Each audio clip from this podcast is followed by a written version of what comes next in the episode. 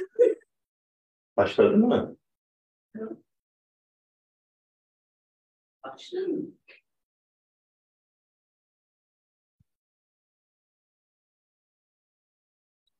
Tamam.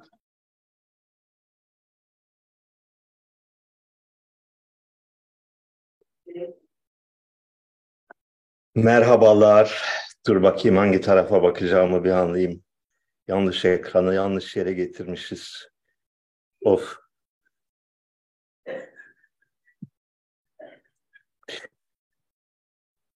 Şöyle koyduk. Bir de kadehimizi aldık. Merhaba arkadaşlar. İyi pazarlar diliyorum hepinize. Umalım ki deprem travmasını yavaş yavaş aşmaya başladınız. Ee, 20 seneden beri değişmeyen, 40 seneden beri değişmeyen tartışmalardaki mutat pozisyonlarınızı alıp ekranların başına geçtiniz. Hep aynı sözleri tekrarlamanın dayanılmaz keyfini yaşamaya başladınız. Sizi tebrik ediyorum. Film, illa filmler tavsiye et diyorlar. İki tane çok güzel film seyrettik bu hafta. Ee, birine ben bayıldım. Çok çarpıcı geldi bana. Çok iyi geldi. Ee, İngilizcesi The Beasts. Hayvanlar yani. Orijinal adı Asbestas. Bestas, asbestas İspanyolca değil, Galego dilinde. Yani kuzey batı İspanya'nın dağ köylerinin dilinde.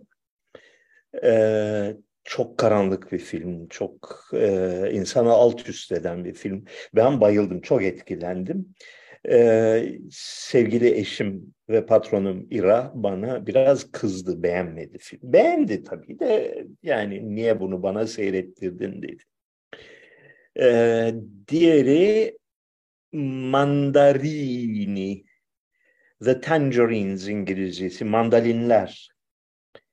Ee, Gürcü, Estonya ve Gürcistan işbirliğiyle yapılmış bir film. Ee, ötekinden farkı e, yine çok güzel bir film. Yani güzel oynanmış, esprili, e, derin ve ciddi bir konuya parmak basan, dramatik gerilimi çok yüksek bir film.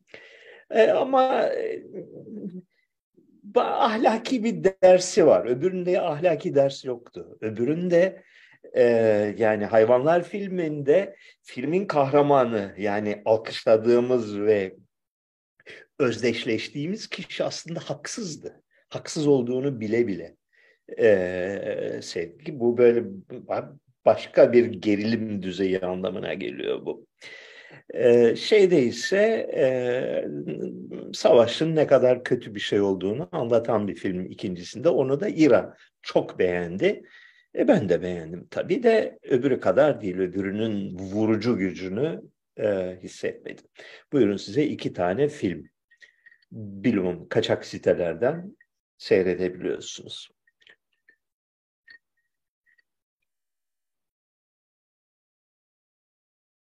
Çok sık karşılaştığım bir eleştiri, eleştiri mi diyeceğiz, soru mu diyeceğiz buna son günlerde. Ee, Recep Tayyip Erdoğan hakkındaki pozisyonunu anlamıyoruz diyorlar. Sen bunca zamandır e, bu adamı övüyordun, şimdi de e, laf ediyorsun. Bu ne perhiz, bu ne lahana turşusu. Ben çelişki olduğunu düşünmüyorum. Yani şöyle bir toparlamaya çalışayım. Son 3, 4, 5 senede e, bu konuda söylediğim şeyleri dört tane temel tema buluyorum. Bütün eski yazılarımı, yorumlarımı filan falan bir gözden geçirdim. Acaba hatırlamadığım saçma bir şey mi söyledim acaba diye. Yok gayet düzgün şeyler söylemişim. Birincisi ısrarla ve tekrar tekrar adamın çok akıllı biri olduğunu söyledim. Bir siyaset dahisi olduğunu söyledim ve bu fikrimde ısrar ediyorum. Her krizde akıllı sayılan insanların dediğinin tam tersini yapıyor. Ve her seferinde kazanıyor. Her seferinde iktidarını biraz daha pekiştirmeyi başarıyor. 21 bir kere şeye yani 2013 aralığında o neydi 7-17 Aralık mıydı neydi olaylarında aldığı viraj, siyasi viraj doğrusunu isterseniz üzerine doktora tezleri yazılması gereken bir şeydir. Bir siyaset bilimi e, başyapıtıydı. Öyle diyelim. Çok ahlaksızca bir hareketti. Fakat yani helal olsun dedirtecek bir şeydi. E, ben başlarda e, şeydim yani sütten ağzı yanınca e, yoğurdu üfleyerek yiyen biri pozisyonundayım. Çünkü ben ta 2011'den, 2012'den itibaren Recep Tayyip Erdoğan'ın gidici olduğunu düşündüm ve bu konuda çeşitli şeyler yazdım. Allah beni e, eğitti diyelim.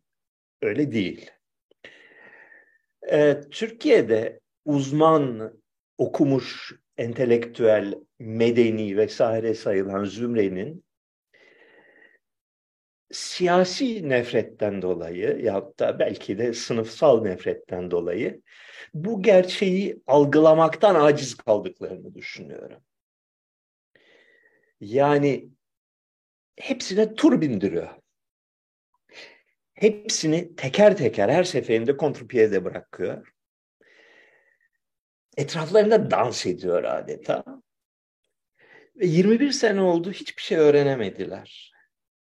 Ve öğrenememekle de kalmadılar. Gitgide daha aptallaştılar. Gitgide daha anlayamama noktasına geldiler. E, bunu söyledim. Bunları söyledim. İkincisi başarısının yani 21 sene iktidarda kalmasının sırrı Türk halkının aptallığı değil. Türk halkının muhafazakarlığı, dindarlığı, İslamlığı, Mislamlığı da değil. Bunlar, bunlar aşılacak şeylerdir. Yani bir adam İslam'dır diye e, sempati topluyorsa öbürü çıkar ben daha İslam'ım der o da toplar. Yani bu si demokratik siyasetin püf noktasıdır. Yani biri muhafazakarsa muhafazakarlık prim yapıyorsa öbürü daha muhafazakar olur olur biter. Bunu yapamıyorlar. Çok basit bir nedeni var bunun. Çünkü e, inandırıcı bir alternatifi yok. Karşısında bir bostan korkuluğu var.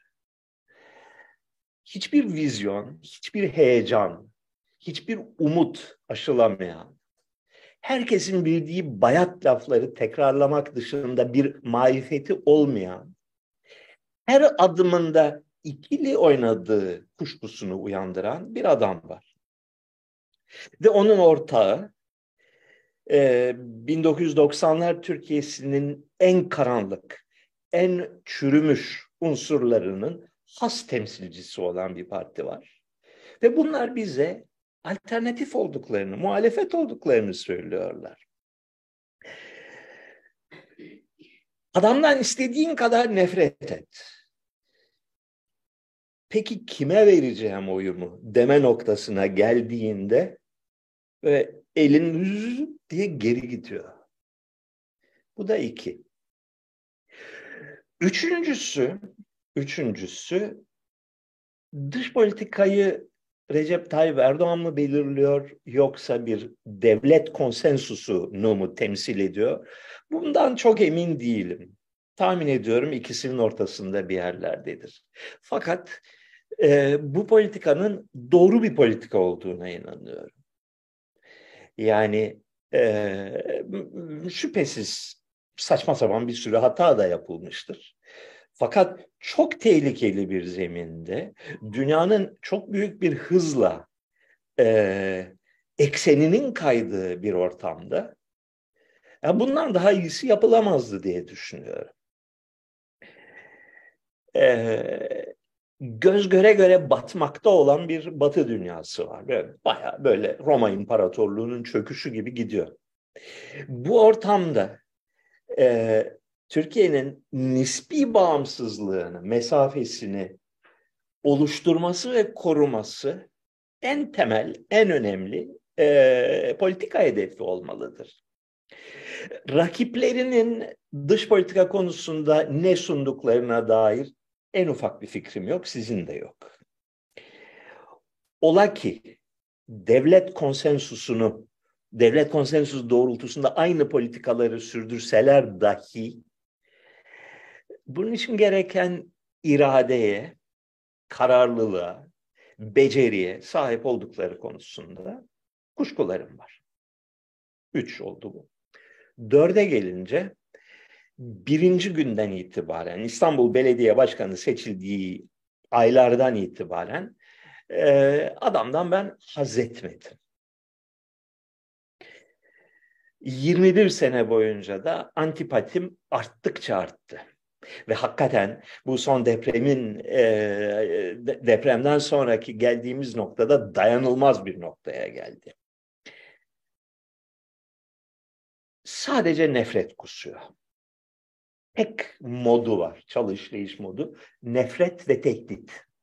Bütün söylemi birilerinden nefret etmek üzerine, nefret aşılamak üzere ve tehdit etmek üzerine kurulu. Bugüne dek sahneye çıkıp da herhangi bir kişi veya zümre hakkında güzel bir söz söylediğini, olumlu, e, umut aşılayan, barış aşılayan bir söz söylediğini ben duymadım. Sadece nefret üzerine kurulu bir söylem. Bu Adolf Hitler'in e, taktiğidir biliyorsunuz. Adolf Hitler de büyük başarısını yani bir hiçten dünya fatihine dönmesini sağlayan e, süreci nefret üzerine kurdu. Herhangi birini seç, bir, bir şey bul, bir hedef bul ve ona nefret kus. Halkın bundan hoşlandığını öğrendi. Adolf Hitler de bunu yapmıştı. Bu zat da aynı şeyi yapıyor. Bu da bu nefret şöleni bu toplumu hasta ediyor. Gitgide derinleşen bir ümitsizliğe sevk ediyor yapıcı düşünceyi, özveriyi, dayanışmayı imkansız kılıyor. Demek ki dört şey. Adam akıllı, dış politikası doğru, rakipleri berbat ve adam bir sosyopat. Dört tane görüş. Bunlar arasında bir çelişki görebiliyor musunuz? Ben göremiyorum. Gerçek dünya böyle bir yer. Şimdi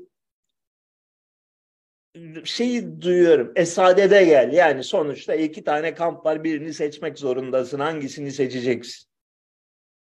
Bizden misin, ondan mısın? sorusunu duyar gibiyim. Böyle her taraftan geliyor bu ses. Cevabı yok. Yani şöyle diyeyim. Açık söyleyeyim. Ee, deprem öncesine kadar benim eğilimim şuydu. 50-50 ortalarda bir yerdeyim. Ee, doğal olarak seç, seç, seçimlerde oy verme hakkım var, hala var. Ee, doğal olarak HDP'ye vereceğim oyumu. Ama iş e, Kemal Kılıçdaroğlu mu Recep Tayyip Erdoğan mı seçimine gelirse muhtemelen oy vermem ya da illa vermem gerekirse tahmin ediyorum 51'e 49 Recep Tayyip Erdoğan tarafındaydı oyum depreme kadar. Depremden sonra hakikaten tepem attı. Yani yeter artık bu kadar. Duygusuna kapıldım ve ibre tersine döndü. Yani 51 Kılıçdaroğlu 49 Erdoğan tarafına döndü kafamdaki ibre. Sonra son günlerde gitgide şeyi ister istemez tabii sosyal medyaya e, muhalif denilen takım hakim ve onların deprem karşısında gösterdikleri zavallılığın boyutlarını gördükçe sabah öğlen akşam koyun melemesi gibi aynı bayat klişeleri, aynı boş lafları tekrarlayarak böyle böyle böyle böyle yaptıklarını gördükçe doğrusunu isterseniz gene sarsıldı bakış açım. Bilemiyorum. Bilmiyorum. Durum bu.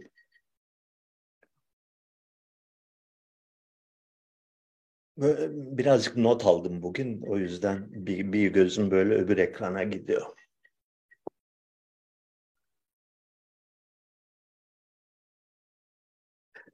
Doğu Ergil hocam ki değerli bir insandır. Bazen e, yazılarından da geçmişte istifade etmişliğim var. Şimdi de belli bir yaşın getirdiği olgunlukla bir takım e, fikirleri sosyal medya üzerinden paylaşıyor. İzlemiyorsanız izleyin derim.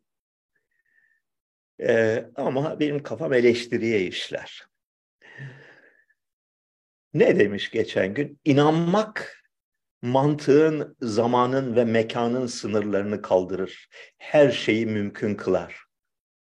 Ancak doğruyu bulmak için aklın ve bilimin rehberliğine ihtiyaç vardır. Çünkü insan hurafelere de uyanır, e, de inanır demiş. Şimdi arkadaşlar bu görüş 1700'lerin başından 1900'lerin sonuna kadar 200 yıl boyunca dünyanın aydın, eğitimli, e, akıllı, e, kültürlü sayılan insanların ortak görüşüydü. Çünkü görüldü ki e, hurafelerin ve dogmaların sınırlarından kendilerini kurtaran insanlık inanılmaz adımlar attı. Büyük başarılara e, imza attı ve tartışılmaz bir şekilde e, bu bilimsel bakış açısının, akılcı bakış açısının üstün olduğu görüldü. Biz gençliğimizde bu fikirle yetiştik. Belli ki Doğu Hocam da aynı şekilde yetişmiş. Bir kuşağın bakış açısı diyebiliriz buna. Bugün geldiğimiz yerde başka bir yerdeyiz. Aklın ve bilimin önderliği dediğin zaman insanlar her gün oturup sen ben biz Lavoisier deneyini bir daha yapmıyoruz e, ayın dünyadan mesafesini her sabah kalktığımızda bir daha ölçmüyoruz. Birileri bu işleri ölçmüş. Biz de onlara güveniyoruz. Yani aklın ve bilimin önderliği derken tam aklı, aklı bir yana bırak da bilimin önderliği derken esasında şunu söylüyorsun. Onlara değil bunlara inanacaksın. Bir takım insanlar değil bir takım başka insanlar da inanacaksın farklı bir argümantasyon tarzına sahip olan, farklı bir takım deliller getiren bir takım insanlara inanmak zorundasın. Ee, 200 yıl boyunca bilim insanlarının yüksek ahlakına ve doğruluğuna güvenmek norm sayılıyordu. Yani bu tartışılacak bir şey yok. Elbette bu insanlar akıllı insanlar. Elbette bu insanlar doğruyu söylüyorlar. Yani öbürlerinin yani papaz veya hoca takımının da kendilerince bir takım doğruları olabilir. Fakat bunlar da en azından öbürleri kadar e, dürüst ve akil insanlar onların söylediğine inanmak zorundayız. Bugün artık bu mümkün değil. Dönüm noktası neresiydi diye düşünüyorum hiç umulmadık yerlerde bazen. E, şeytan ayrıntıda gizlidir. E, İkinci Dünya Savaşı'nın son aylarında Amerika Birleşik Devletleri daha önceki tarihte benzeri olmayan bir işe girişti. E, Princeton'da Yüksek Araştırmalar Enstitüsü diye bir kurum e, tesis etti. E, dünyanın en iyi bilim insanlarını buraya topladı. Sınırsız para dayadı. Ve onlardan pek çok konuda, her konuda silahlanma konusunda, atom bombası konusunda, evrenin sırları konusunda, e, balistik füzeler konusunda, psikoloji konusunda araştırmalar yapmasını istedi. Ne amaçla? Devletin faydası için. Bu bilim tarihinde bir kırılma noktasıdır. Elbette ki önceki geleneğin devamı olarak yani bu burada topladığı insanların hepsi eski bağımsız bilim geleneği içinde yetişmiş insanlardı. Ve elbette devlet adına çalışma sürecine girdiklerinde e, ilkelerinden bir kısmı ödün vermedi. Bir kısmı Oppenheimer gibi ilkelerinden ödün vermeye zorlandığında derin bir ahlaki çelişki içine girdi. Bir kısmı Einstein gibi bir yandan ilkelerinden ödül, ödün verirken bir yandan da bunu şiddetle eleştiren söylemlerde bulundu. Yani bir çıkmaza girdiler. Fakat öyle devam etti. Fakat bu dönüm noktası uzun vadede korkunç sonuçlar doğurdu. 20. Ee, yüzyıl sonlarından itibaren bilimin e, tamamıyla bir devlet propagandasının, devletin güç oyununun bir parçası, bir hizmetkarı haline gelmesi e, sağlandı. Bilimle propaganda arasındaki sınırlar gitgide kaldırıldı. E, ortak amaç, ortak devlet hedefleri dışında araştırma yapan ve sonuçlara varan insanlar şiddetle e, bastırıldı, susturuldu. E, bilim camiasının dışına atıldı. Bilimsel araştırma olağanüstü pahalı bir e, girişim düzeyine getirildi. Yani Newton gibi, e, Galileo gibi bir tane tüp, bir tane e, tüy, iki tane taş, bir defter, bir kalem bir de bir derebeyinden bir aylık bir şey maaş dışında bir şeye ihtiyacı olmayan büyük bilim adamları yerine milyar dolarlık yatırımlara muhtaç olan bilim memurları e, norm haline geldi. Dolayısıyla o sermayeyi yatıran kurumların sonuç üzerinde hak sahibi olduğu bir dünyaya geldik. Bu dünyada bilime güven demenin bunlar önceki bir çağda hocalara ya papazlara güven demekten bir farkı kaldığını zannetmiyorum. İnsanlar karanlıkta el yordamıyla doğruyu bulmaya çalışıyorlar. medya tarafından ve kurumlar tarafından dayatılan şeylerin gerçek olmadığını, doğru olmadığını, ahlaklı olmadığını herkes az çok seziyor. Fakat onun yerine ne koyacağını bilmiyor, bilemiyor. Yani bir kısmı komplo teorilerine savruluyor, bir kısmı e, ümitsizliğe kapılıp bırakıyor, bir kısmı fal bakıp ne bileyim yıldız falı falından e, medet umuyor.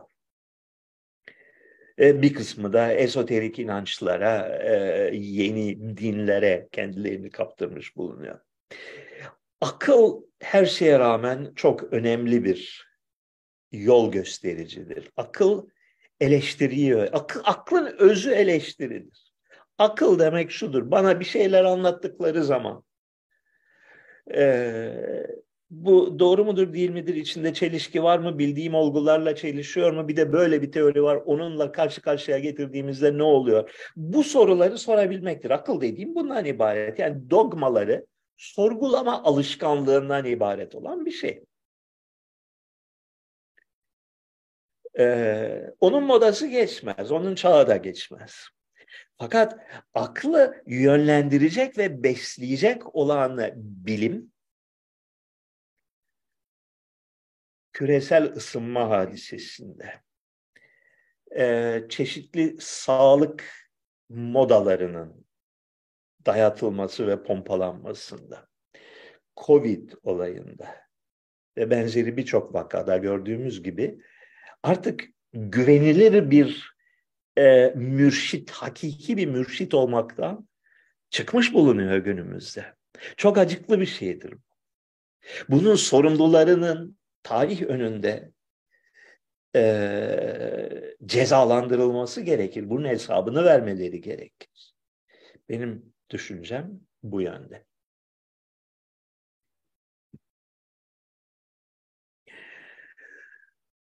Son günlerin diğer e, halkımızı galeyana getiren olaylarından biri e, Diyanet İşleri Başkanlığı'nın her konuda olduğu gibi e, evlatlıklarla cinsel ilişki konusunda verdiği fetva idi. Bundaki gülünçlüğü elbette sizin kadar ben de görebiliyorum. Ee, yani şu anda Diyanet Başkanı olan şahsın e, birkaç seneden beri sergilediği soytarılıkların Cumhurbaşkanından aşağı kalır bir tarafı yok. Hatta onu bile e, solluyor bazen. Yalnız şunları birkaç şeye değinmem lazım. Bir, e, birisi şey demiş. Akıl, fikir alakalı alakasız her konuda hep uçkurda. Bu kurum kapatılmalı veya adı işlevine uygun şekilde AKP Uçkur İşleri Müdürlüğü olarak değiştirilsin demiş bir arkadaş. Şimdi bir iki noktaya değinmek lazım. Bizim burada bir Kaan adlı bir arkadaşımız var. O da yani geçen gün sohbet ediyorduk da o da bunlara değindi. Ona bir merhaba diyeyim burada. Ee, birincisi Diyanet İşleri Başkanlığı kafasından fetva vermez. Soru gelmiş ki soruya cevap vermiş. Soru gelmeden fetva verilmez. Fetva bir soruya verilen cevaptır. Demek ki halk bu, bu konuda ısrarlı ve yoğun sorular sormuş ki buna cevap vermek mecburiyetinde hissetmişler kendilerini. İkincisi, hiçbir fetva müessesesi kafasına göre ya da kendi şahsi fikrine ya da ahlaki değerlerine göre cevap vermek durumunda değildir. Böyle bir yetkisi yoktur. Yani İslam hukuku diye 1400 senede oluşturulmuş bir külliyat var. Bu külliyatın içinden cevap vermek zorunda. Vatandaş soruyor. Onlar da diyor ki İslam hukukuna göre bu sorunun cevabı şudur. Bunu aklınızda tutun. Peki niye hep uçkurla ilgili konularda konuşuyorlar? Üç noktası bu soruda.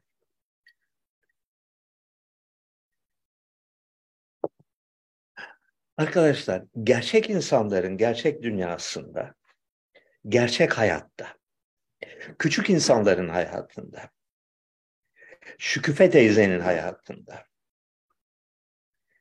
e, köyden endim şehire diyen genç kızın hayatında uçkur işleri birinci sırada yer alır. Tüm insanlar da böyledir. Bütün dünyada böyledir.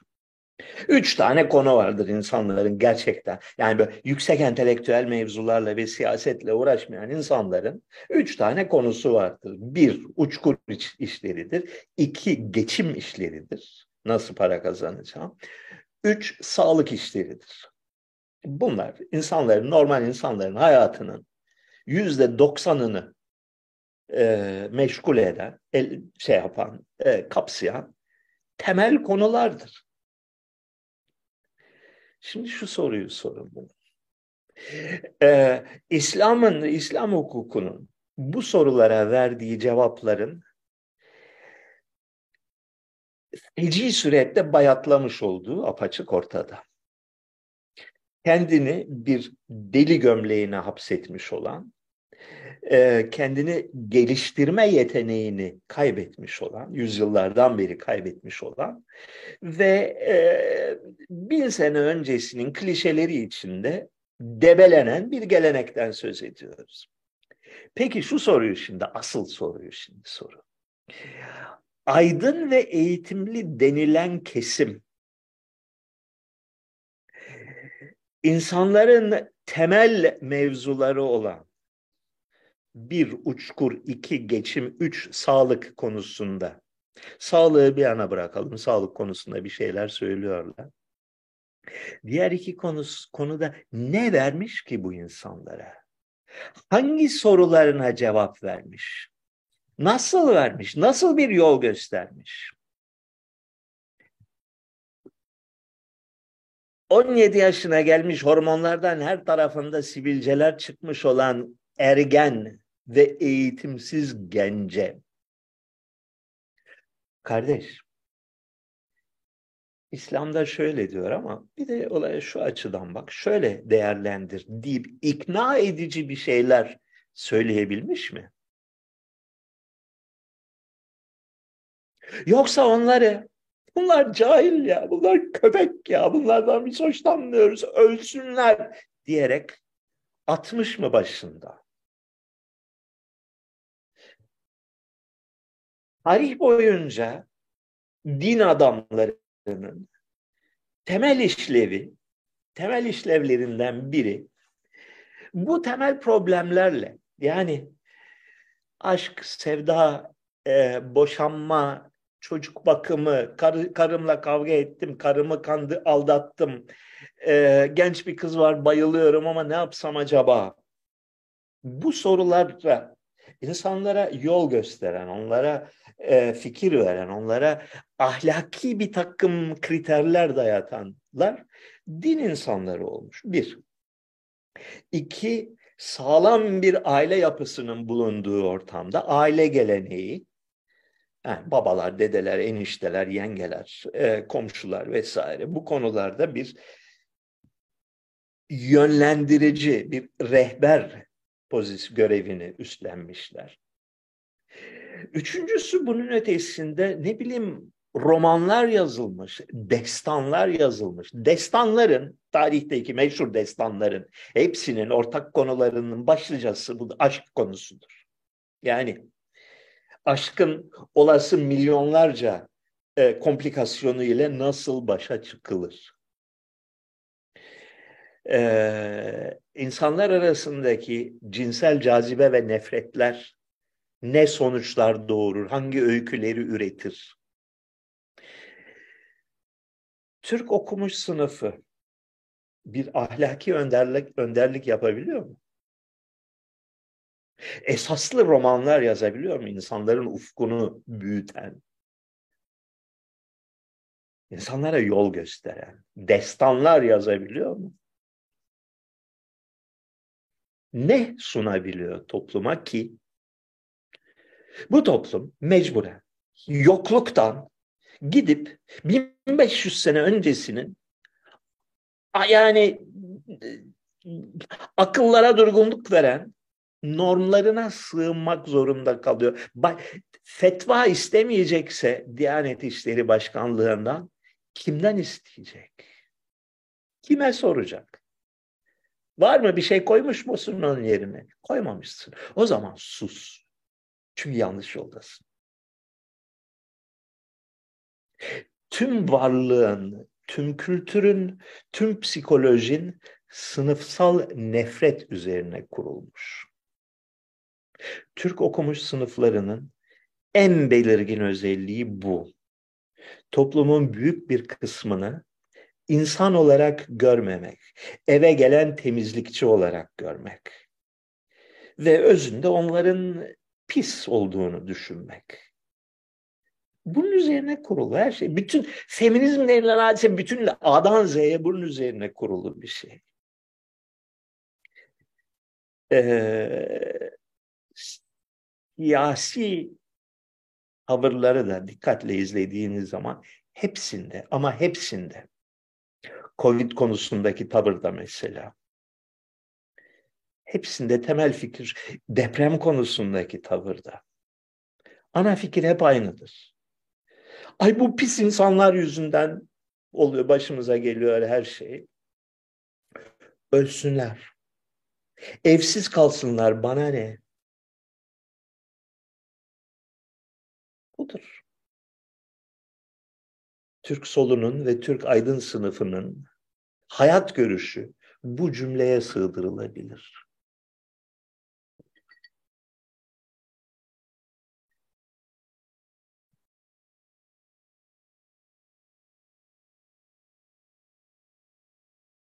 Başka bakalım şurada bir şeyler daha yazmıştık. Dost ülkeler, uçkur sevdası. İnşaat konusuna da girmeyeyim isterseniz. Son günlerde epey bir takım polemiklere girdik o konuda. Başka bambaşka bir şeye değinelim. Bir arkadaş yine bu izlediğim e, bazen düzgün şeyler de e, yazan bir gazeteci dostumuz bir e, depremden sonra kısa, orta ve uzun vadede neler yapılmalı diye bir yazı yazmış. Bir kısım söyledikleri mantıklı şeyler, doğru şeyler. Ve arada şöyle bir paragraf dikkatimi çekti. Mesela yani bir sürü öneri saymış, pratik öneriler. Depremzede 10 ilimizden her biri dost bir ülkeyle evlendirilebilir, eşleştirilebilir. Hangileri olabileceğini de kafadan önerelim. ABD, Kanada, Japonya, Kore, Almanya, İngiltere, Fransa, İspanya, İtalya, Hollanda veya üç Benelux ülkesi bir arada, Norveç veya dört İskandinav ve üç Baltık ülkesi bir arada ve belki bunlara ek olarak Polonya ve Yunanistan. Bunlar hem birbirleriyle hayırda yarıştırılabilir hem de bir yılın ardından yahut proje bitiminde arkalarında birer hastane, birer e, ilkokuldan liseye yatılı okul ve onar kişilik birer teknik sorumlu ekip bırakmaları koşulu getirilebilir. Ülkeleri sayıyoruz. Bir daha hatırlatmak babında. ABD, Kanada, Japonya, Kore, Almanya, İngiltere, Fransa, İspanya, İtalya, Hollanda, Norveç ve belki bunlara ek olarak Polonya ve Yunanistan. Yani Ukrayna Savaş Koalisyonu. Şimdi biraz perspektifimizi büyütelim son 20 yılda, son 10 yılda değil, son 15 yılda, 2008'den bu yana bilmiyorum aranızda dünya gezenler, çeşitli ülkelere yani üç tane batı başkenti değil, dünya, dünya yani büyük bir yer dünya. Dünyada birkaç yere gitmiş olanlar var mı? Ben epeyce gitme fırsatını buldum son yıllarda. Birinci gözlem, şaşmaz bir gözlem. Nerede, hangi ülkede büyük bir altyapı projesi görseniz, yani ne bileyim, Karadağ'ın bir ucundan öbür ucuna akıllara seza bir şey e, otoyol yapıyorlar böyle. Bir tünel bir viyadük, bir tünel bir viyadük. Öyle çok pahalı bir otoyol. Gürcistan'da bütün bir şehir inşa etmişler. Bir dakika dondu galiba bu. Ne oldu buna? Heh bütün bir şehir inşa etmişler ve 50 bin kişilik münevver kurmuşlar makineleri bir şehir şak şak şak şak şak diye kurmuşlar. Ee, ne bileyim Sri Lanka'da şurada burada inanılmaz boyutta limanlar, tren hatları, köprüler yapıyorlar. Afrika'da ki birkaç defa Afrika'ya gittim son epey zaman yani 2010'lar içinde. Nerede büyük çaplı bir yatırım görsem mutlaka Çin. Yani bunu bir şey haline, tik haline getirdik. Bir yerde bir büyük yatırım mı gördük? Hemen şantiyeye kadar git tabelasına bak. Şaşmaz bir şey. Çin çıkıyor altında. Ee, muazzam cömertçe kredilerle bu işi yapıyorlar. Çok şey e, rahat kredilerle ve döküyorlar parayı. Çin. Bütün dünyada, dünyanın her yerinde, bütün Afrika, Güney Amerika dahil olmak üzere, Avustralya dahil olmak üzere.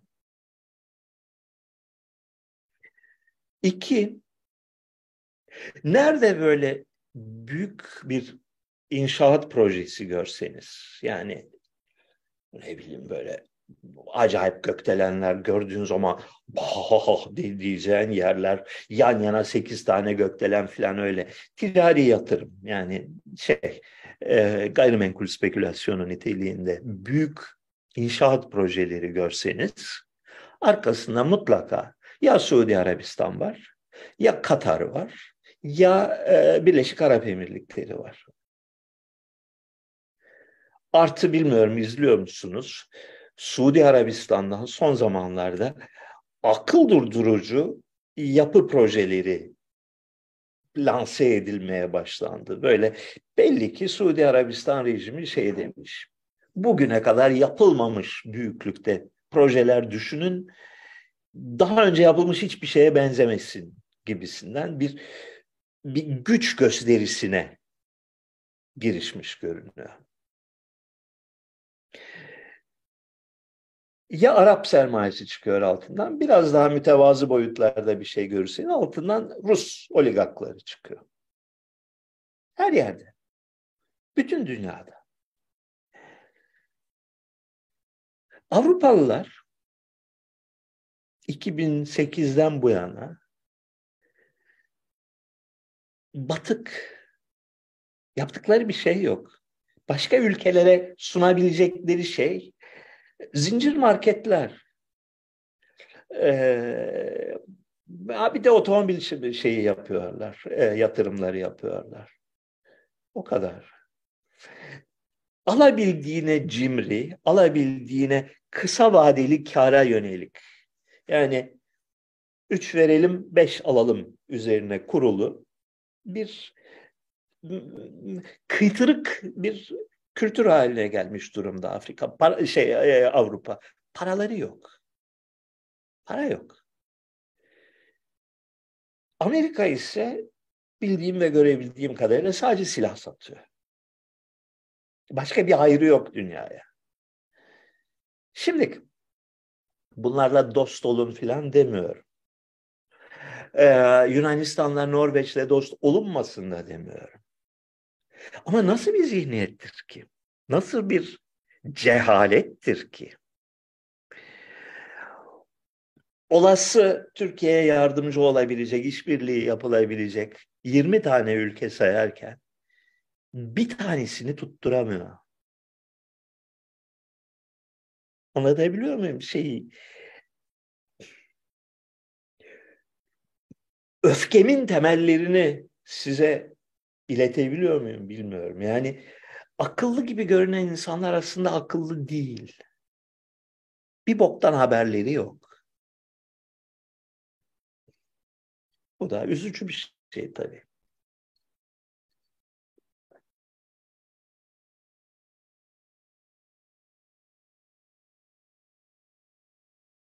Başka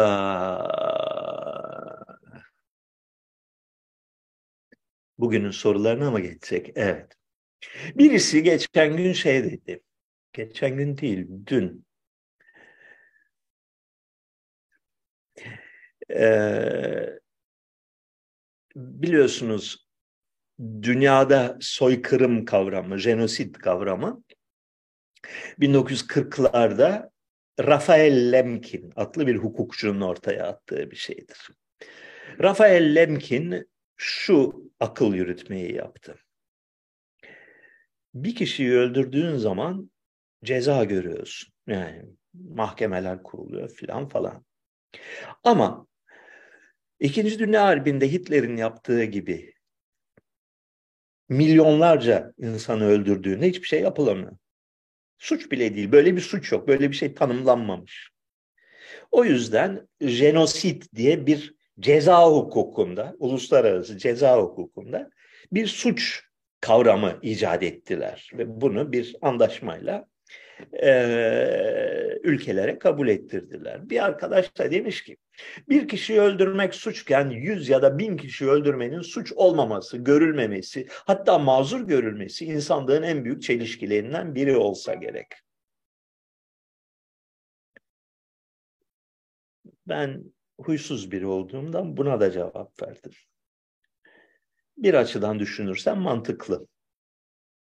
Yani böyle olması. Suçu cezalandırmanın maksadı tanrısal adaleti tesis etmek değildir. Toplumsal düzeni sağlamaktır.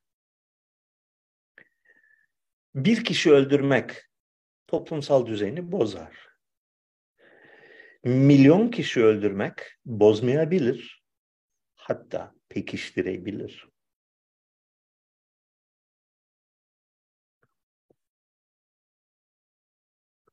Hep karşı argümanı da düşünmek lazım.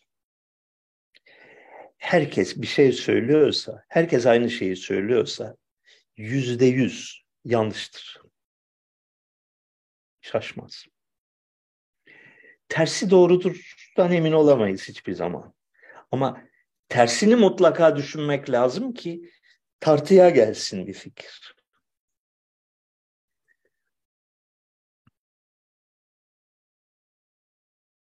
Ondan sonra dur bakalım. Ha. Geçen hafta Dücane Cündioğlu ile olan yayınınız hakkında birkaç kelam bekliyoruz diye ısrarla talep edenler var. Ben Dücane Cündioğlu'nun akıllı ve iyi bir adam olduğunu düşünüyorum. Değerli bir insan olduğunu düşünüyorum. Fikirlerine katılırım, katılmam başka şey. Eleştirir miyim? Herkesi, her şeyi eleştiririm. Tabii ki eleştiririm. Fakat düşünmeye ve kavramaya çalışan bir insan, bunun için okumanın faydalı olduğunu bilen bir insan, artı var olan kendi doğuştan gelen veya gençlikten gelen yargılarını eleştirme cesareti olan bir insan. E, programımız çok başarılı değildi e, ama eminim tekrar tekrar yaparsak birbirimizin uslubuna alışırsak daha iyisini de yapabiliriz. Yapar mıyız yapmaz mıyız ayrı bir mesele.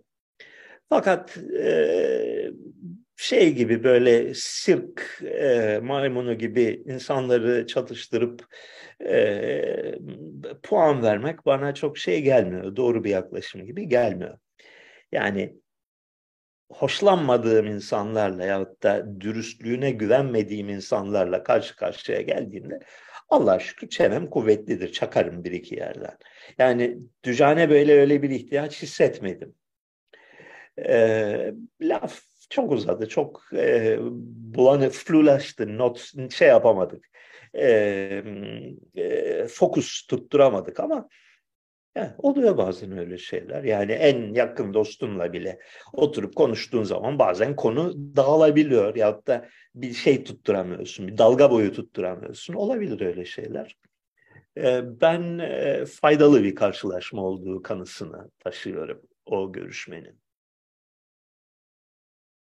Entelektüel kimliğinizin yanı sıra ustası olduğunuz bir zanaat var mı? Heyhat ki kuşağımın ve sınıfımın ürünüyüm.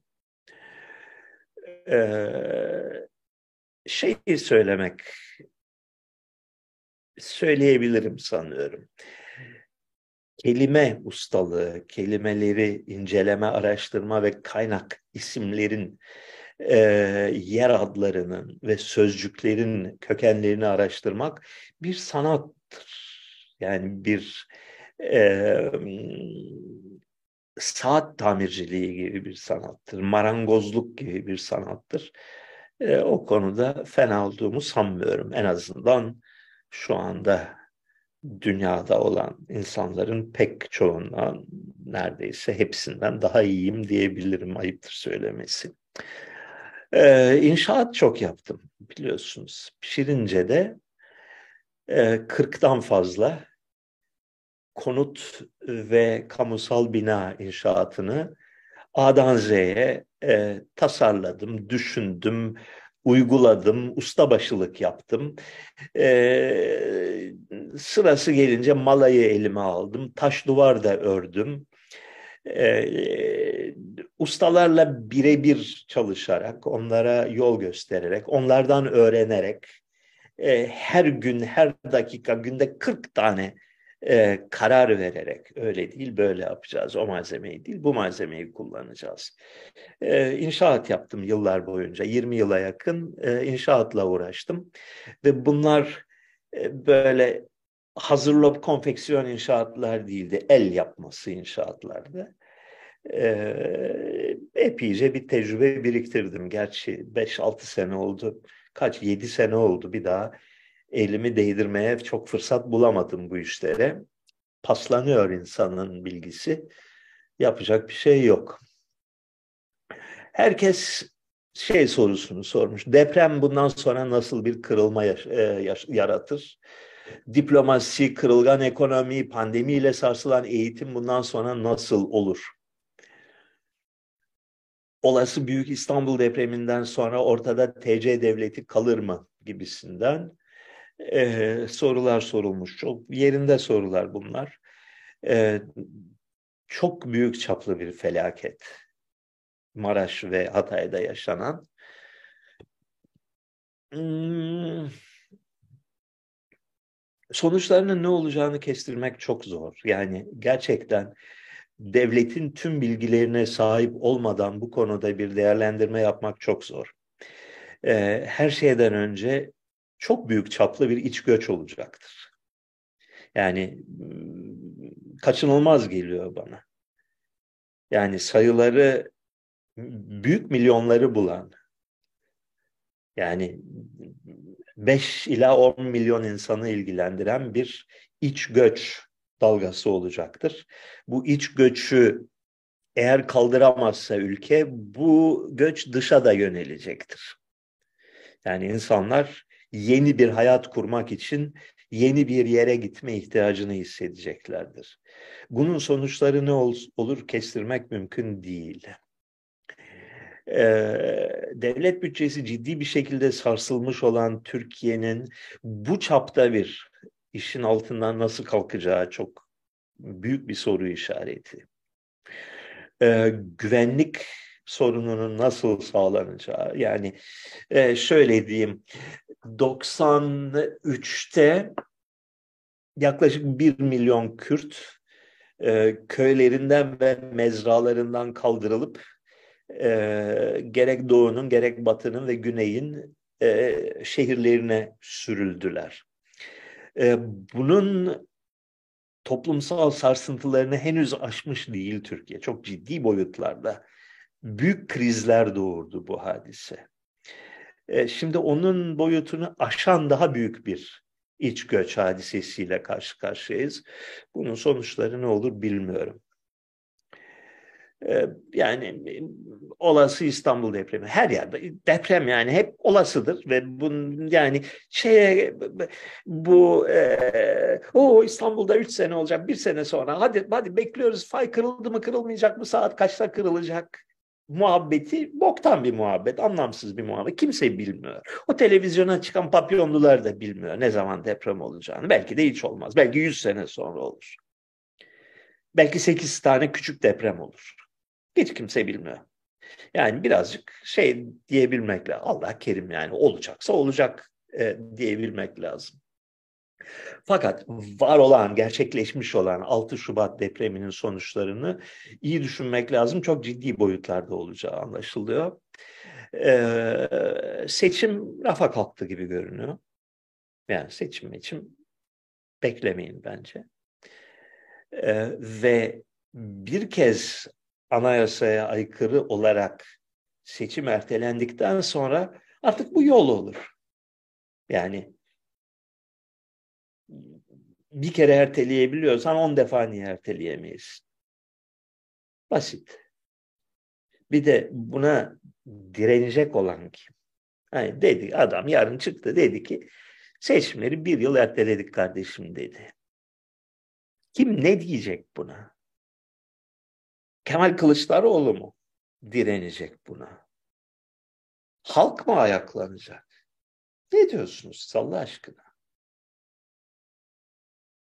Böyle, böyle gelmiş, böyle gider deyip devam edilecek. Ee, okulların kapatılması bence çok ciddi bir hamledir. Yani bu savaş moduna geçme hamlesidir. Olası bir siyasi darbede, iç darbede, rejim darbesinde e, üniversitelerde veya üniversitelerin önderliğinde bir kargaşa çıkmasından endişeleniyorlar belli ki. Susturuyor, kesiyor. Yani bir ülkenin eğitimini yarım yıl boyunca iptal etmek için çok insanın gözünün kararmış olması lazım.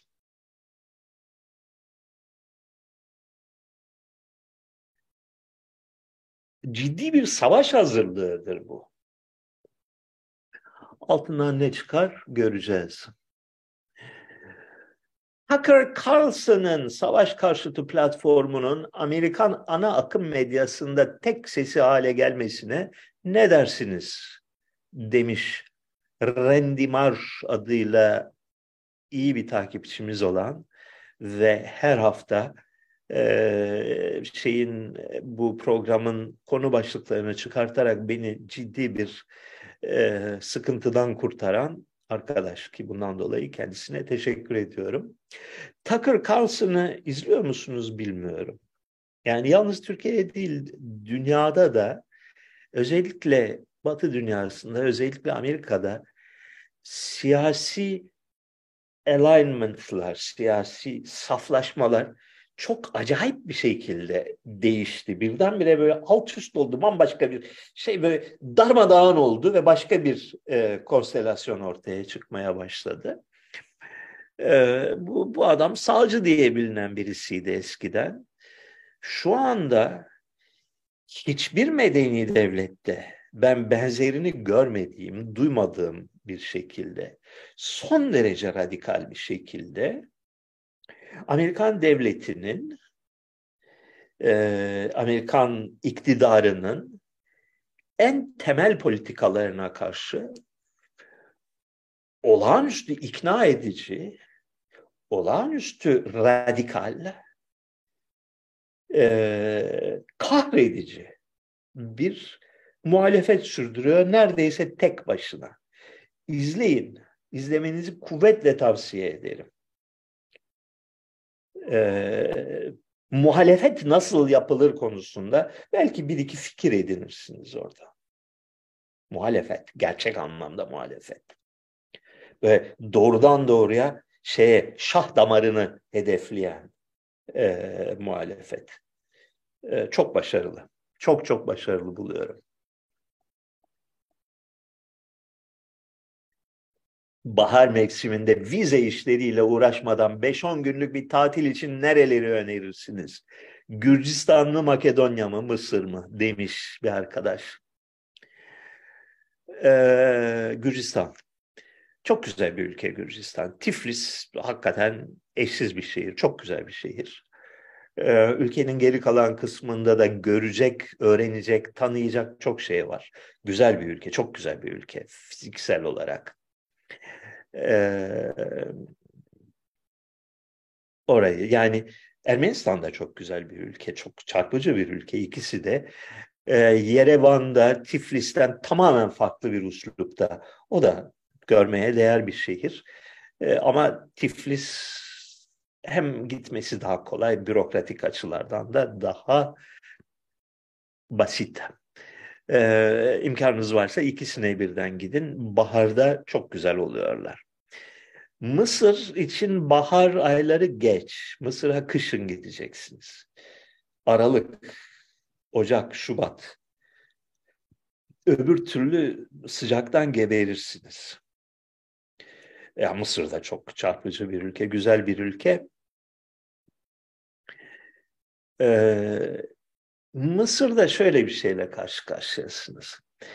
Ee, organize turizm var. Son derece dar kalıplar içine hapsedilmiş. Ee, belli iki tür turizm var Mısır'da. Ya bir plaj e, tatil kentine gidip deniz, kum, güneş göreceksiniz. Başka bir şeye gerek yok. Şık oteller falan falan. Ee, ya da son derece kalıplanmış bir şekilde işte e, Kahire, piramitler, e, Luxor, Aswan seferi yapacaksınız. Gerçekten dolaşmak için ülkeyi yani birazcık işin ışığını cıcığını çıkarmak için cesur olmanız lazım. Yani kolay bir şey değil. Araba kiralayıp dolaştığın zaman yani e, Milli Savunma Bakanı'na kadar herkesin haberi oluyor. Bir manyak turist gelmiş, araba kiralamışlar, dolaşıyorlar. Acaba casus mudur, acaba ne olacak? Başına bir şey gelirse biz ne yaparız? Aman aman aman. Böyle bir e, hale giriyorsunuz. Yani bir e, biraz macera, bayağı bir macera Mısır'da gerçek bir seyyah gibi seyahat etmek. E, kışın gidin.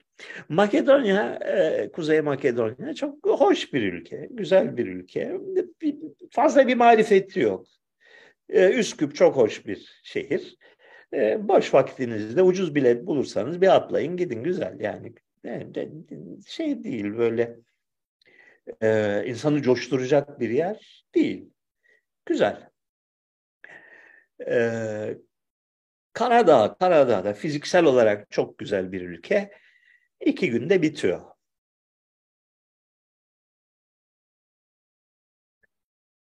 Sakin ve huzur içinde yaşamak için güzel bir ülke. Seçimi boykot etmek sizce mantıklı mıdır demiş yine Randy Marsh. Elbette mantıklıdır. Yani şu seçenek olarak HDP veya benzeri bir ciddi parti, gerçek parti varsa o zaman yanlıştır. Fakat aynı paranın yazısı mı turası mı gelecek konusuna e, benim de sesim olsun vatandaşlık görevidir diye katılmak manasız geliyor bana.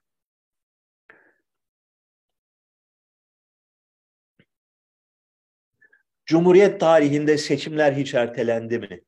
Savaş olmaksızın seçimleri ertelemek nelere yol açar? Sine-i millet bir çözüm mü sizce?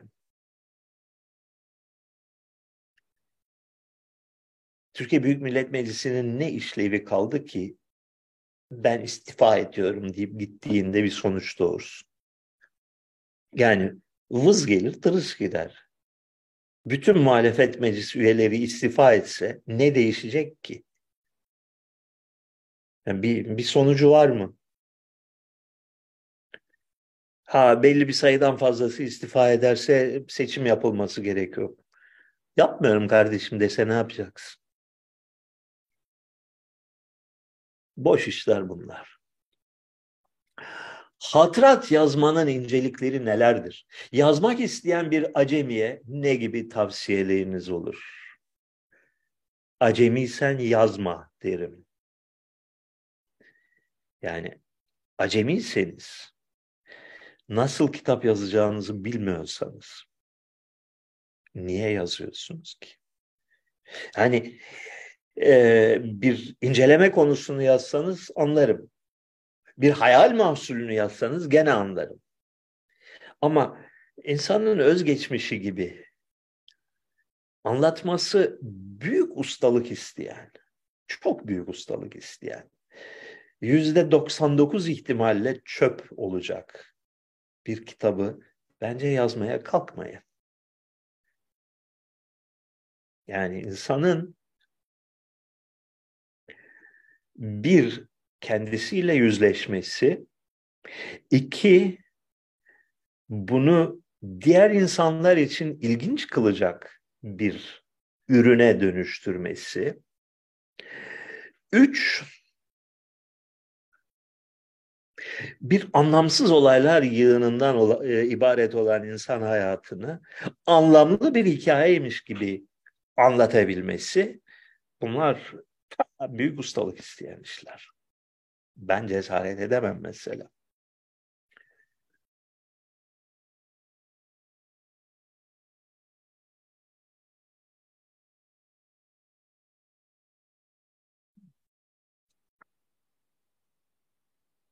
Bu, bu soruya cevap vereyim mi vermeyeyim mi diye emin olamadım. Scarface. Veren kim olursa olsun girişmeli mi diye sormuş ne anlama geldiğini anlamadım gibi davranayım ki.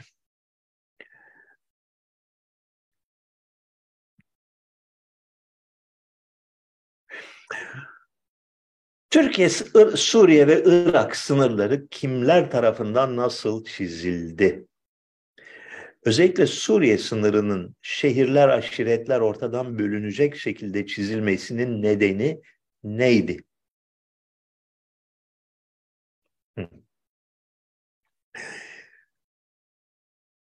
Birinci akılda tutulması gereken şey Suriye sınırı öncelikle İngiltere ile Fransa arasında fakat öyle anlaşılıyor ki İngiltere, Fransa ve Osmanlı hükümeti arasında müzakereyle çizildi. Çünkü savaş ertesinde ateşkes sağlandığı günlerde şaşılacak bir kolaylıkla hemen bu sınırı belirlediler. Ee, şöyle diyeyim size. Müttefik kuvvetler yani İngiltere ve Fransa Eylül 1918 tarihinde bugünkü Kudüs'ün hemen kuzeyinde Nablus hattında saldırıya geçtiler. Ee, birkaç gün içinde tüm Osmanlı ordularını darmadağın ettiler. Yani 7. ve 8. orduları tüm mevcuduyla esir aldılar. Sadece kurmay ve subay heyeti kaçmayı başardı. Geriye kalan bütün askerleri esir aldılar. Ee, Amman'da yani Ürdün'de bulunan dördüncü ordu bunu duyunca dağıldı. Herkes kaçtı çil yavrusu gibi. Ee, peşinden birkaç gün sonra Suriye'ye girdiler. Aynı günlerde Fransa denizden bir çıkarmayla Beyrut'u ele, ele geçirdi. Ee, 24 Ekim'de Halep'i ele geçirdiler. Ee, Kilis sınırına kadar yürüdüler. Yani 40 gün içinde İsrail'in kuzeyini, Ürdün'ü, Lübnan'ı ve Suriye'yi fethettiler. Böyle şey gibi sel afeti gibi geldiler ve geçtiler. Karşılarında duracak hiçbir ordu yoktu. Yani e, Osmanlı ordusu bilfiil tükenmişti. Yani bugünkü Ukrayna ordusu gibi olmuştu. Ee, Adana'da ikinci ordu vardı. İkinci ordu diye bir şey kalmamıştı aslında. Sadece bir karargahtan ibaret olan bir orduydu. Dolayısıyla o noktada e, İngiliz, Fransız heyeti, büyük ölçüde İngiliz ordusuydu. Arzu ederse yürüyüp e, daha önce Fransa ile yapmış oldukları antlaşma uyarınca Çukurova'yı yani Kilikya'yı ele geçirmesi işten bile değildi. E, çünkü antlaşmaları şeydi, Gülek Boğazı'na kadar alacağız diye. E, arzu etseler Ankara'ya, Sivas'a da dayanırlar. Yani bitmişti. Karşılarında bir direniş kalmamıştı. Tamamen bütünüyle ricat halinde bir ordu vardı. Bunu yapmadılar. Ee, bir e, şey gönderin, bize bir görüşmeci gönderin dediler. Rauf Bey bir gemiye binip e, Mondros e, limanına gitti ve orada bir buçuk gün içinde bir e, ateşkes antlaşması sağladılar ve ertesi gün şey bitti. Savaş bitti. E, enteresan olan şudur. O ateşkeste belirlenen sınır daha sonra Türk Müdafaa Hukuk Hareketi'nin yani milli mücadelenin bir misak-ı millide hedef olarak gösterdiği sınırdır. Yani bu Mondros mütarekesinde belirlenen sınırlar değişmeyecektir. Bundan bir daha taviz vermeyiz diyerek milli misak yaptılar. Bir tek Hatay meselesi bir belirsizlik içindeydi. Yani öyle görünüyor ki 30 Ekim 1918'de kararlaştırılan sınır ciddi bir siyasi müzakere sonucunda karşılıklı anlaşma suretiyle belirlenen bir sınırdı. Ve bu sınırın iki tane özelliği vardır. Bir, sınır Bağdat Demiryolu hattını izler. Bağdat Demiryolu sınır olarak belirlenmiştir. Demiryolu Türkiye tarafında kalmıştır. Demiryolunun 200 metre ilerisine de sınır hattı çizilmiştir. Yani Türkiye çeşitli nedenlerle büyük masraflarla, büyük bir yatırımla oluşturduğu demir yolu hattının kendi tarafında kalmasını istemiştir ve karşı taraf da bunu kabul etmiştir. Doğrusu budur demiştir.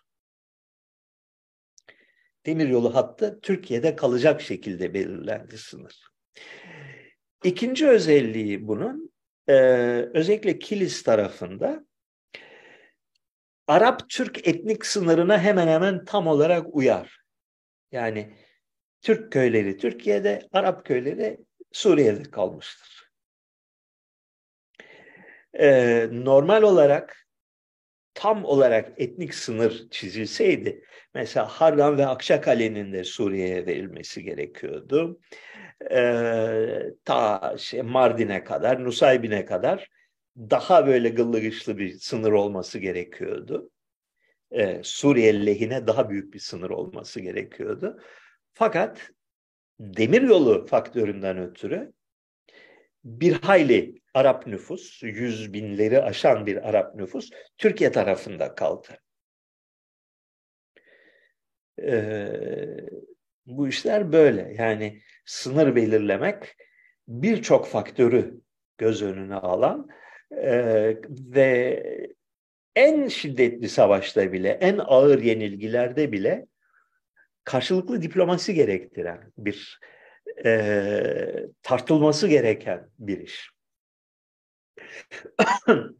ee, Irak sınırının nasıl belirlendiğinden tam emin değilim. Yanılmıyorsam e, yine İngilizler e, savaşın son haftalarında büyük bir atılım yapıp Kürdistan'ın yarısını ele geçirdiler.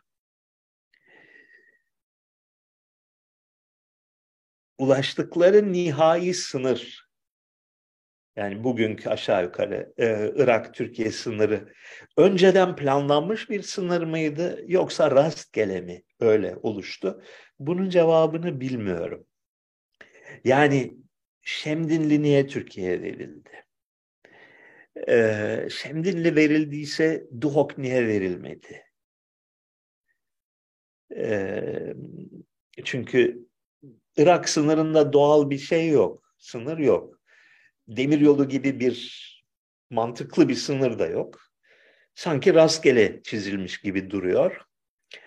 Ee, ki Lozan Antlaşması'ndan sonra da epey bir süre 26'ya 27'ye kadar o sınır stabilize olmadı. Yani e, bazı noktalarda değişti. E, Türkiye ısrarla Musul'a kadar olan bölgeyi istedi filan falan. Yani Irak sınırı daha karmaşık bir konu. Cevabını bilmiyorum. Bu konuda Stefan Yerasimos'un muhteşem bir kitabı vardır. Türkiye'de yakın tarihe ilişkin yazılmış en iyi kitaplardan biridir. Ee, Birinci Dünya Savaşı'ndan sonra sınırlar kitabın adını şu anda ezbere söyleyemeyeceğim ama sınırlarla ilgili olan Yerasimos'un kitabı çok iyidir. Yıllar oldu okuyalı, 20 sene oldu neredeyse okuyalı.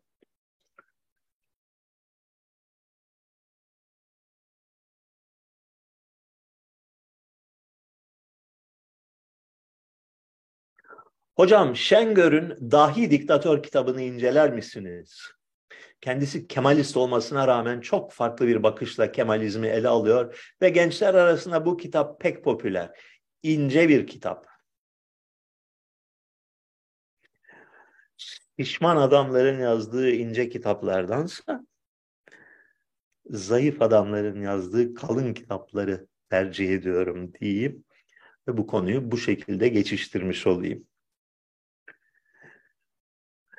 Propaganda ile gerçek bilgiyi nasıl ayırt edebiliriz sorusunu geçen hafta cevaplandırdım.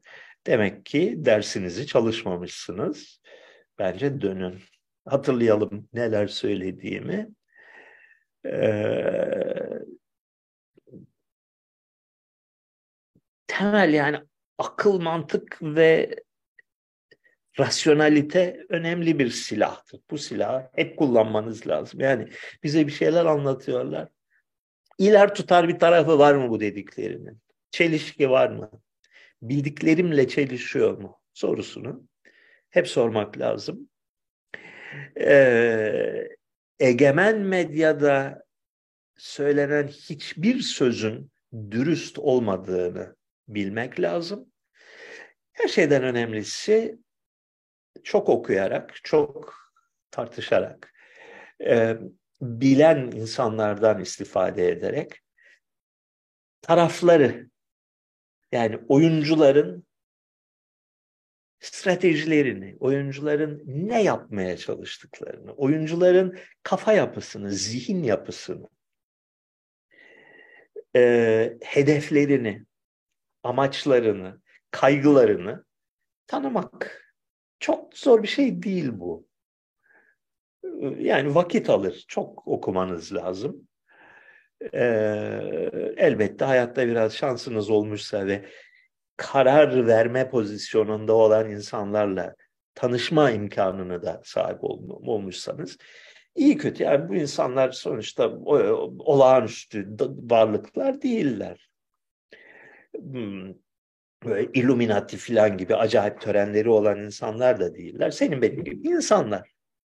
Bunların hangi kaygılarla hareket ettiklerini, kafalarındaki modellerin ne olduğunu, hangi zaaflarla malul olduklarını, hangi çıkarlara sahip olduklarını iyi kötü sezebilirsiniz. Yani bilmedikleriniz de vardır da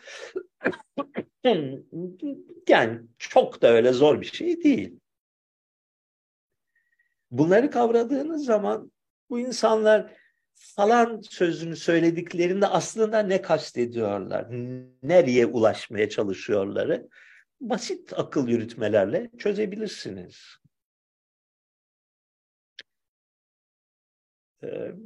Böyle. Saati unutmayalım. Ha. Başka.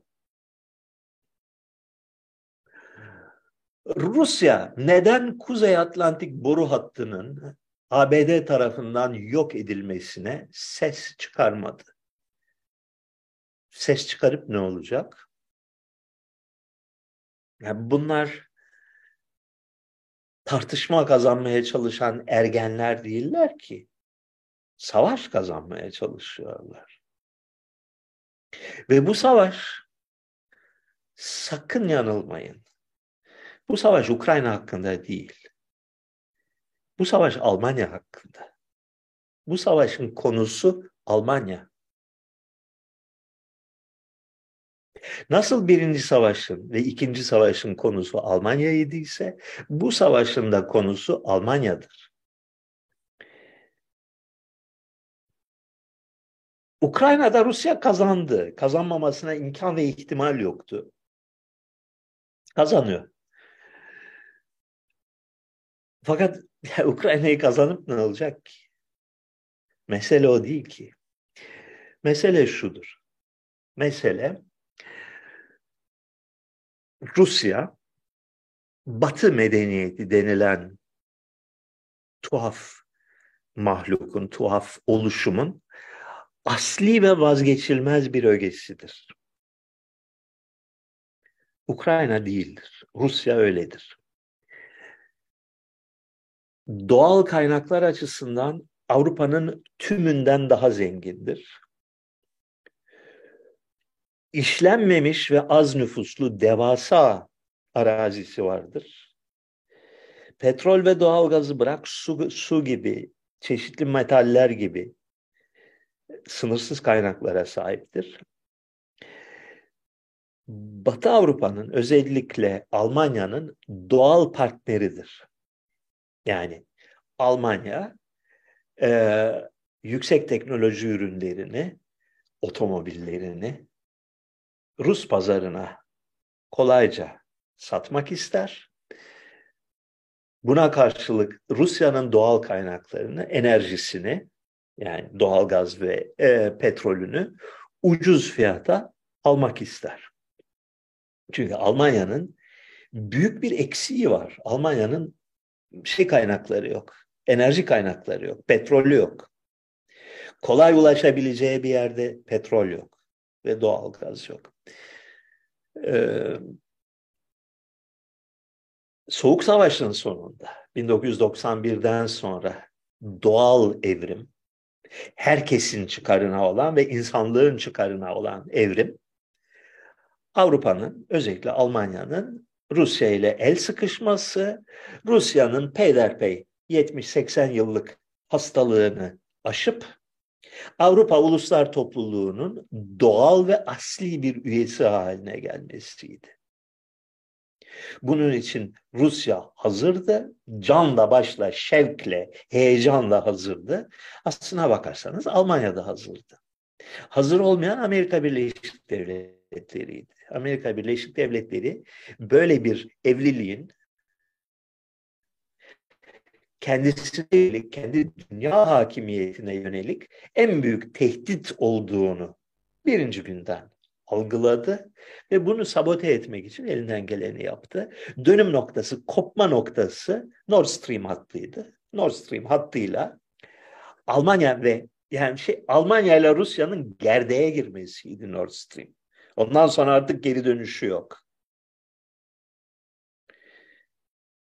Amerikalılar çok net olarak baştan söylediler. Hiçbir koşulda buna izin vermeyeceğiz dediler. Yani dünyayı yakarız buna izin vermeyiz dediler. Ve vermediler. Ukrayna Savaşı çıktı. Ee, Rusya'nın tüm hamlelerini bu ışıkta değerlendirmenizde fayda var. Yani bugün milletin burnunu sürtmek için savaşmıyorlar. Rusya'nın geleceğini kurtarmak için savaşıyorlar. Zor bir iş. Yani onların yerinde olmak istemezdim. Ölüm kalım mücadelesi veriyorlar. İblise karşı. İblis çünkü.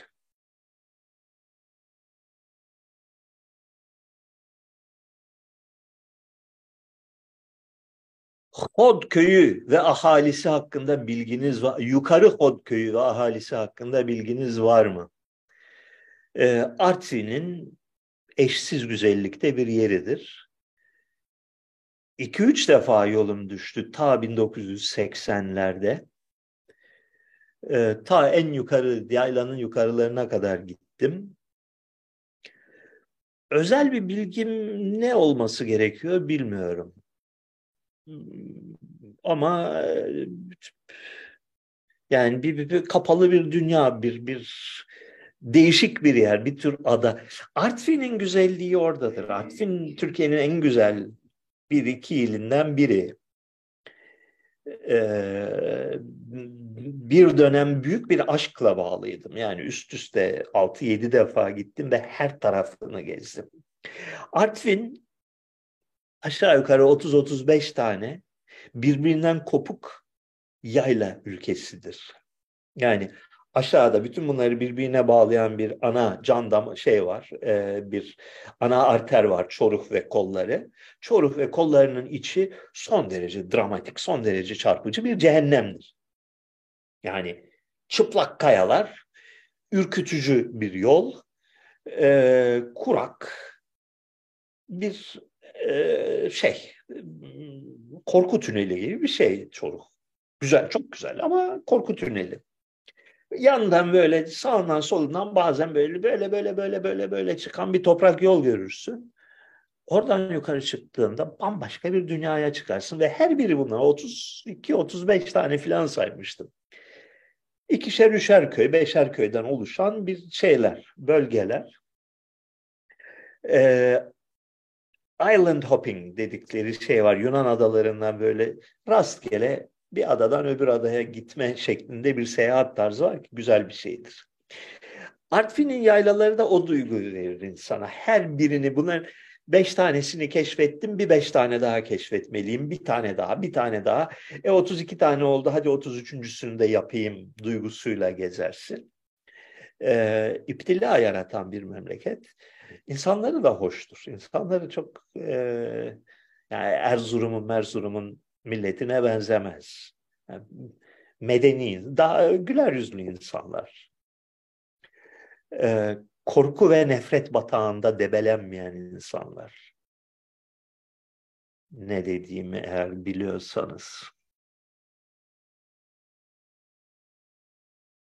6 Şubat'ta gerçekleşen depremlerin özellikle tahrip ettiği bölgeler düşünüldüğünde ABD ve İsrail'in BOP kapsamında harekete geçmiş olabileceğinin bir göstergesi olabilir mi? Yapay bir deprem olası mı Allah aşkına yapmayın ya. Gözünü seveyim yapmayın ya. Bu şey gibi. Ee, Bedir Savaşı'na katılan melekler gibi bir hadise. Yani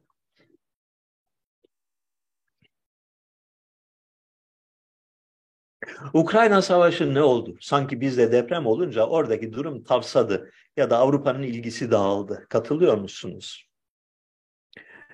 Yok. Yani Türkiye'deki deprem e, Avrupa'da kimsenin ilgisini çekmedi. Yani sıradan bir e, gazetelerin bir şey kontenjanı var. E, felaket haberleri kontenjanı var. Orada verildi, geçti.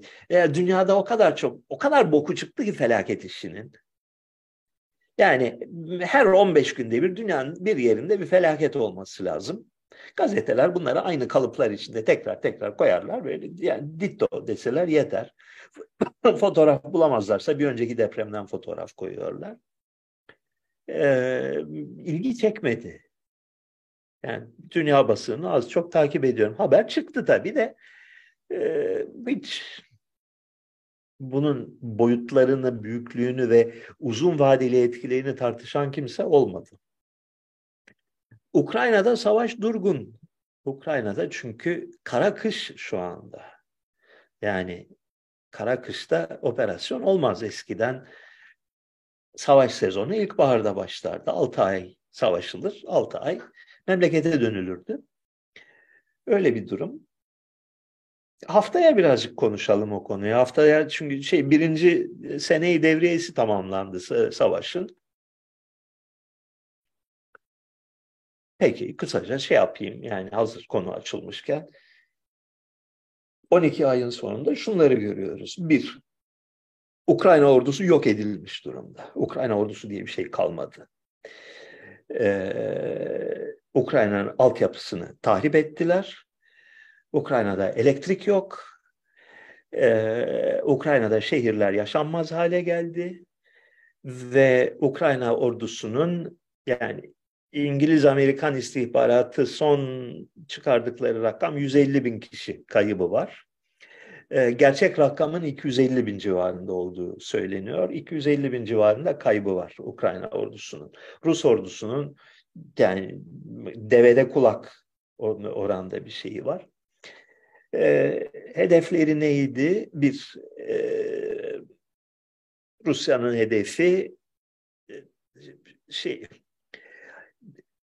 denazifikasyon ve demilitarizasyon hedefini açıkça ilan etmişlerdi ilk günden. Yani Ukrayna ordusunun tehlikeli bir organ olmaktan çıkarılması ve Ukrayna'daki e, NATO tarafından eğitilen e, faşist milis gruplarının yok edilmesi. Bu hedeflere varmış görünüyorlar. Amerikalıların ilan edilmiş hedefi Rusya'yı parçalamak ve rejimini değiştirmekti ve ekonomisini çökertmekti. Bu konuda en ufak bir başarı sağladıkları görülmüyor. Ee, Rus ekonomisi son bir yılda Batı Avrupa'nın tüm ülkelerinden daha iyi bir performans gösterdi. Daha büyük bir büyüme oranına kavuştu.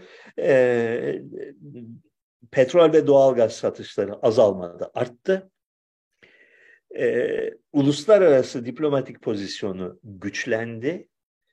Daha önce benzeri olmayan bir durum bir Hindistan'la fakat daha önemlisi Suudi Arabistan'la ciddi bir yakınlaşma sağladılar. Ee, ve Avrupa adeta bir şey gibi böyle yokuş aşağı freni patlamış bir kamyon gibi çöküşe doğru gidiyor.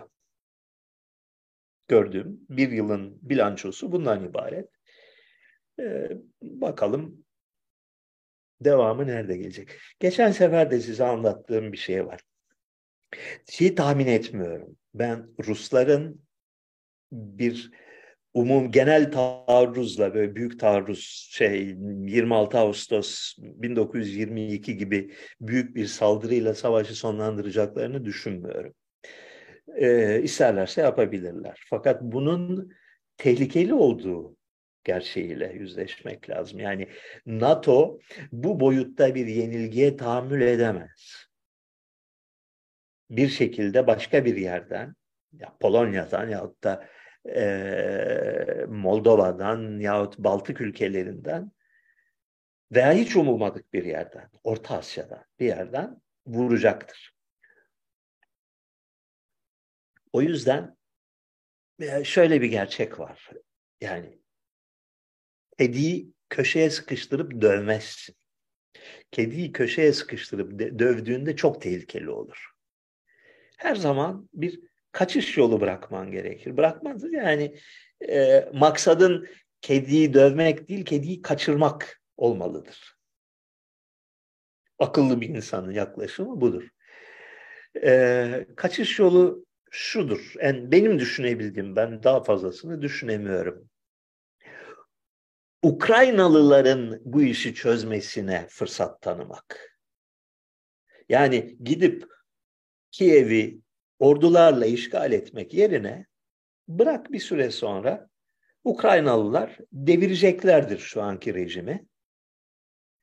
Ee, Zelenski ve Avanisi Mussolini gibi ağaçlardan asılacaktır. Ee, o zaman da e, ne yapalım yani şeyde Ukrayna'da e, asayişi temin etmek için e buyurun Almanya'yı da davet edelim, beraber gidelim, orada düzeni kuralım. Batı Ukrayna'dan da bir parça Polonya'ya verelim. Onlar da garibim e, e, şeydir, e, çok uğraştılar. Böylece biz bir beladan kurtulalım. Batı Ukrayna çünkü problem. E, Polonya'da memnun olsun. Hem belki bu bir Polonya-Rus ortaklığı ve ittifakı için bir zemin oluşturur, değil mi? Lviv'i onlara verirsin. Onlar da Rusya ile dost olurlar. Böyle görünüyor işin gidişatı.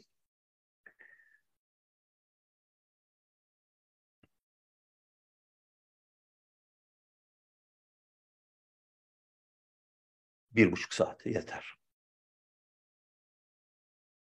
Görüşmek üzere diyeceğim.